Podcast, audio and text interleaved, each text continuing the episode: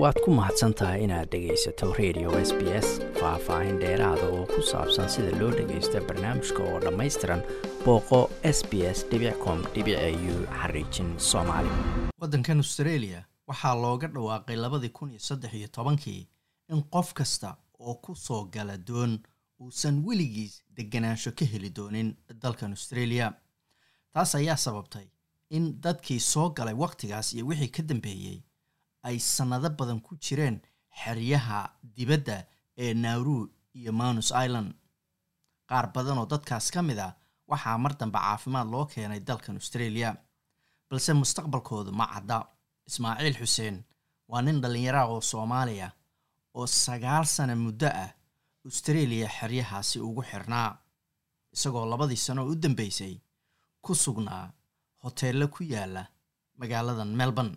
Ismaaciil ayaa ugu dambeyntii xorriyaddiisii helay toddobaadkan. Inkastoo mustaqbalkiisu iyo halka uu ku dambayn doono aysan weli kala caddayn waraysi s b s ay ka qaaday ismaaciil xuseen ayaa sidan ku bilowday. Waxaanu soo galnay labada kun iyo saddex iyo tobankii. Marka waa waqtigii doomaha inta ugu badan ay soo galayeen. Soo galatay markaan soo galaynina dee waddankan iyo sharciyadiisa waxa isbedelay war kamaanan haynin mar damba nimid unbaa naloo sheegay in uu jiray qaanuun dhahaya qof allo qofkii doon ku soo gala waddanka lama dejinayo iyo waxaa loo dirayaa xorooyan oo offshow ku yaalla. Marka habeenkiinu soo galnay maanaan soo gelin maxaa la dhahaa waxay naga qabteen badda dhexdeeda. Bay nooga hor yimideen. Intaan doonta saarannahay yaa markabkii neefiga maaragtay dhinacayna yimid. Halkaas microfon ugula hadleen. Marka englishka waa fahmaya aniga maaragtay muqdisho kaga soo bartay. Marka waxaa dhacday markii bay nagu yidhahdeen haddaa iska laabto indonesia ku laabto haddii kale waxaa laidin diri doonaa meel la yidhaahda manus island in naru manus island in naru aniga waxaa moodahay maaragtay magaalooyin waddanka ka mid a waddanka australia.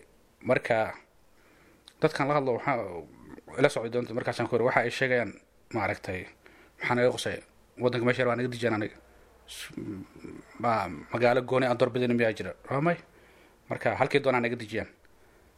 Bas markaan noo yimaadeen haddana waraaq bay noo qaybiyeen. Oo af soomaali ku qoran qaar carabi ku qoran yahay qaar dabcan dee way hayeen luqad walba dadka markaas doomaa ku imaanaya warqadda sidoo kale waxaa ku qornaa manus inaru laakiin wax fikrad ah kama haysan. Waxay manus tahay waxay naru tahay offshog ay ka hadlayaan qof fikrad ka haystay oo nala socday may jirin. Marka wayna soo dejiyeen waxaynu nimid magaalada la dhaho darwin. Darwin baan joognay. Marka aan nimid goor galabaa darwin na keeneen. Markay na keeneen isla garabtii bay nagu bilaabeen waraysi annagoo shan maalin iyo shan habeen badda ku soo jirnay. Ee gebigeen maaragtay biyihii cusbada lahaa maaragtay maqaarkeen iyo haraggeena soo fafiiqday dhibaatooyin badan naga muuqato. Oo daalan dee doon karkeeda laguma seexan karo. Doon yar baan lixdan iyo dhowr qof ku saarnayn. Baa isla garabtii bay waraysi nagu bilaabeen. Marka waxay nagu yidhahdeen maadaama aada waddanka sharci darar ku soo gasheen oo aadan visa wadanin waxaa laidin geyn doonaa manus naagtii baan su'aasha ku celiyo. Waxaan ku yidhi horta ilaa iyo doonta manus inaro baan ugu haysaanay. Dee manus inaro aad sheegaysaan? Ma maaragtay meel oo dadka lagu cunaa?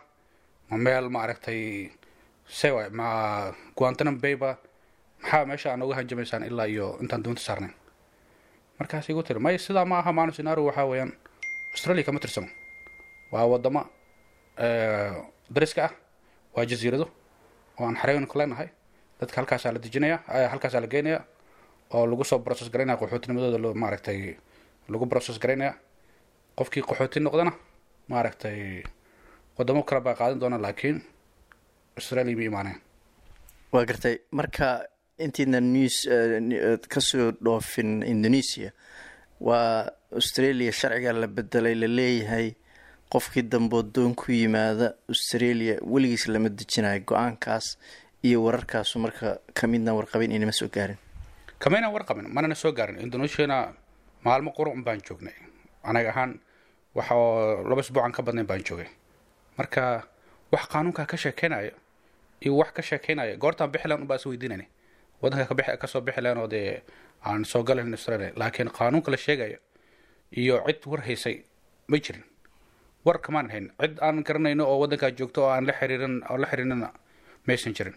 Waa garta marka ugu dambeyntii manus iyo naarudi laga sheekeynaya tee lagu geeyey imisaase joogtay nolosheeduso seese ahayd.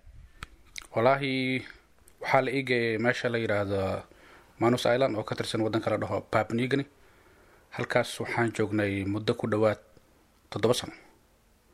Toddoba sanaan ku soo qaadanay waddankaas iyo iyo maxaa la dhahaa jasiiradaas kadib sannadkii labada kun sagaaliyo tobankii yaa waxaa jiray bill baarlamaanka la maaragtay la marsiiyey oo dhahayay qof walba oo markaa dee xanuun jir ama mid maskaxeed qabo in laga soo qaado jasiirad oo ama waddankaas oo la keeno australia caafimaad ahaan. Marka waxaan ku jiray dadkii markaas caafimaad caafimaad ahaan looga soo qaaday babnigani oo loo keenay magaalada melbourne. Australia marka sharcigaas merivag bill baa la dhihi jiray.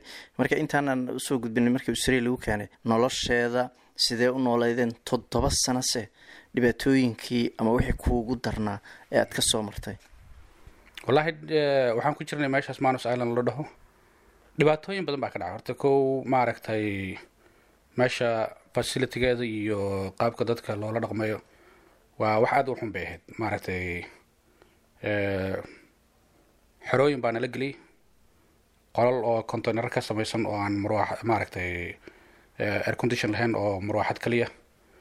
Jasiiraddana waa meel aada u kulal oo mar walba dee inuu roob da'ayo mooye marka kale temperaturekeeda soddon degree ka badan waay. Marka qolal qaar waxay ka samaysnaayeen teentooyin teendho oo lagu seexanayo ilaa iyo soddon qof. Hal qol keliya sariiro isdul saar ah oo qofka dhinacaaga jiifo uu kuu jira wax ka yar hal mitr hal mitr mee wuxuu kuu jiraa weli wax ka yar boqol centimeter naftiina is soo gaaraysa. Qof kale dushaadu saaree. Saas ay tahay maaragtay habeenkiina aada bay u qabowdahay maalintiina aad bay kulashay marka labada waqtiba hurda raaxa lama seexanaysid waxaa kaaga sii daran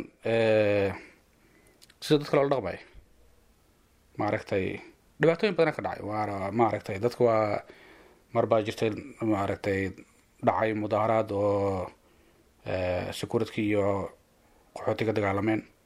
Oo markii dambe ilaa iyo toddobaatan qof dhaawac ku soo gaaray midna lagu dilay. Dhibaatooyin kale oo fara badan. Mar waxaa jiray maaragtay sidoo kale isku dayayeen inay dadka xerooyin ka saaraan oo xerooyin kale u bedelaan maaragtay marka dadkiibaa xoogoo diido waxay yihahdeen de anaga meeshaan nugu hayo meel kale uma socno. Kadib annagoo meesha xeradii ku jirna bay waxay sameeyeen korontadiina waa jirteen biyihiina way jirteen cuntadiina way jirteen. Afar labaatan maalmood baa maaragtay cunto iyo biyo iyo koronto la'aan xoreyn ka joogna ilaa markii dambe ay policy military la yimaadaan oo dadka xoog looga raray meesha. Mafaa xataa maaragtay alaabteen inaan ka qaadano qolalka nooma ogolan khashigay ku dareen waxay haysan dhan. Marka wallahi dhibaatooyinka ma soo koobi karo maaragtay caafimaad ahaan dadka caafimaad ku filan lama siinaynin. Maxaa la yihahdaa organisation aa joogay meesha adi ama sub contractor ah oo inay caafimaadka dadka siiyaan. Laakiin facility maysan haysanin. Waxaa weeyaan x-ray ugu yar may haysa may haysanin xanuun walba kugu dhaco waxay kuleeyihiin maaragtay maadaama meesha qorax badan ka jirta kulashahay biyo badan cab inta iyo xanuun baabiye wax kale oo ay kuu qaban karin ma jirin. Dadka qaarkii yar baa jiray oo xataa u dhintay infection ku dhacay. Wax logta ka infection ugu dhintay. Dad kaloo badan adi waxaa umalanaa ilaa iyo shan qof lix qof kale maaragtay xaalad inay u qaadan waayeen bay iyaga naf nafsad ahaan isu dileen. Marka dhibaatooyin fara badanaa ka dhacay. Waa gartay waxaa jirtay barnaamij maraykanka iyo australia ay ku heshiiyeen oo ahaa in qaxootigaas qaarkood maraykanka la geeya haddii imtixaanada ay ku baasaan. Fursaddaas adiga maku soo martay maxaad ka maqasheen janis ma jira maraykanka aad ku aadid? Walaa diilkaa wuu jiray marka obama madaxweyne ahaa. Marka diilka obama bilooyinkiisii ugu dambeeyay xafiiska buu saxiixay isagoo saxiixay oo aan laakiin weli wax action la sameyn baa trump meesha soo qabsaday trump markuu madaxweyne noqday waxyaabihii ugu horrey uu sameeyda dabcan waa la garanayaa maaragta inuu dowlado qaar uu dhahay waddanka maraykan ma soo geli karaan. Marka soomaalidii ugu horreysay nasiib u yeelatay inay maaragtay barnaamijkaa ka qayb gasho kiisaskoodana waa la soo diiday. Iyagi kalena ma aheene soomaali maxaa la dhahaa dowladii uu bank saaray dhan trump sida ciraaqida sudaanida iiraanta kiisaskooda dhan waxay noqdeen maaragtay rejected oo la soo diiday. Marka laakiin sida afghaanid oo kale bakistaanid oo kale maaragtay waa la qaadanaya.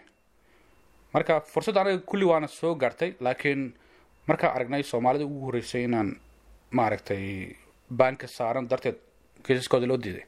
Soomaalida intii soo hartay de marka waxay yihahdeen maaragtay maxaan ka maraynaa mar haddiiba natiijada sidaa noqonaysa marka kama qayb qaadan anagoo badan.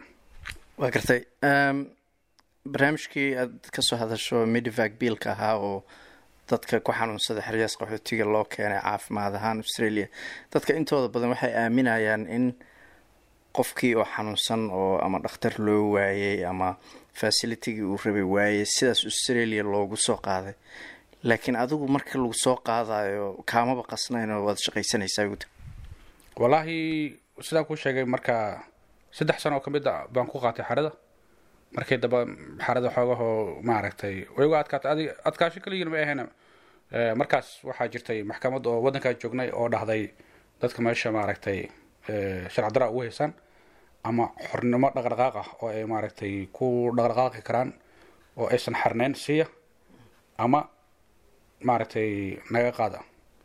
Marka waxay noo ogolaadeen markaa waxay ka dambeeyay inaan waddankaas oo baabnigana meesha harabna ka mari karno. Kadib dadkii aniga maaragtay dadka horta boqol kiiba sagaashan markii sidaa la dhahay way diideen inay xoreyn ka soo baxaan waayo maaragtay horta waddankana waddan iska khatar badan oo waddamada wuxuu ku jiraa ugu khatarta badan xagga nolosha. Marka dadka intooda badan waxay yidhahdeen iskuma aaminayna inaan maaragtay banaanka u baxno oo ama waddankaa dhex galno? Midda kalena waxay u malaynayeen in maaragtay dee mar hadday waddan community dhex galaan inay meesha lagu iloobi doono oo resettlement meesha loogu sameynayo laakiin anigu waxaa intaa xirnaan lahaa waxaa iga fiican halaygu iloobi waddanka daila doono. Waxaan soo baxay caasimada imid shaqaan ka bilaabay shaqaan iska helay. Maaragtay shaqadeeda way way iska fiicneed. Marka kolay waan awooday inaan maaragtay nafteyda iyo familkii support garay sidaas iga shaqaysanay laakiin waxaa jiray xanuuno iga soo gaaray intaa xaalada ku jiray oo maaragtay oo aan la noolaa oo system ku jirtay inaan maaragtay xanuunada igula dhacaan intaa xaalada ku jiray. Marka markaan magaalada imaado iska shaqaysanayo markii damba biilka uu uu maray biilka markuu maray marka waxaa jiray dhakhaatiir iyo looyaro keesas ka dabagalaya ee dadka maaragtay faylalkooda weydiisanaya inay dowladda ka soo qaataan. Marka faylalka markay fiiriyaan qof walba waxay arkayeen xaaladuu qabo iyo xanuunada ay xarada u keentay. Marka faylkaygii iyagaa dabagalay oo dee waxay ku riyaadeen ninkan maaragtay xanuunadan muuse qaban idinka ku riday caafimaadaan u baahanya waa in la soo qaadaa. Marka sidaa dartay ugu yimaadeen waxay yirahdeen caafimaad baa lagu qaadaya markii hore xoogaho waan ka maaragtay ka yaro shakiyo maaragtay waxaa sare xarey ku wadaan. Laakiin markay igu soo laabtay dhowr mar baan markii dambe ogolaaday inaan caafimaad u imaado. Marka caafimaadkii u yimid laba sano ka hore laba sano iyo bilooyin ka hor adi ugu yaraan laba sano iyo bar ku sii socota hadda. Bay caafimaad noo soo qaadeen halkaana i keeneen. Anoo iga qasnay iska shaqaysanayo laba maalin ka hor intaan soo baxaan shaqadii ka soo tegay marka halkaana imid laba sano iyo wax la jiraan bay maaragtay. Hotel nagu hayeen oo nagu qaadat inaan xornimo helo kaasina waxa uu ahaa ismaaciil xuseen oo ah nin dhallinyara oo muddo sagaal sana ah australia ugu jiray xeryaha qaxootiga ee manus island iyo weliba hoteella ku yaalla magaalada melbourne. Ugu dambeyntiise xorriyaddiisa helay toddobaadkan. Waad ku mahadsan tahay inaad dhegaysato raadiyaha s b s. Toos u dhegaysa barnaamijka habeenada arbacada iyo jimcada tobanka fiidnimo ama kaga soo cesho website-ka iyaga iyo s b s radio app. Booqo s b s com au xariijin soomaali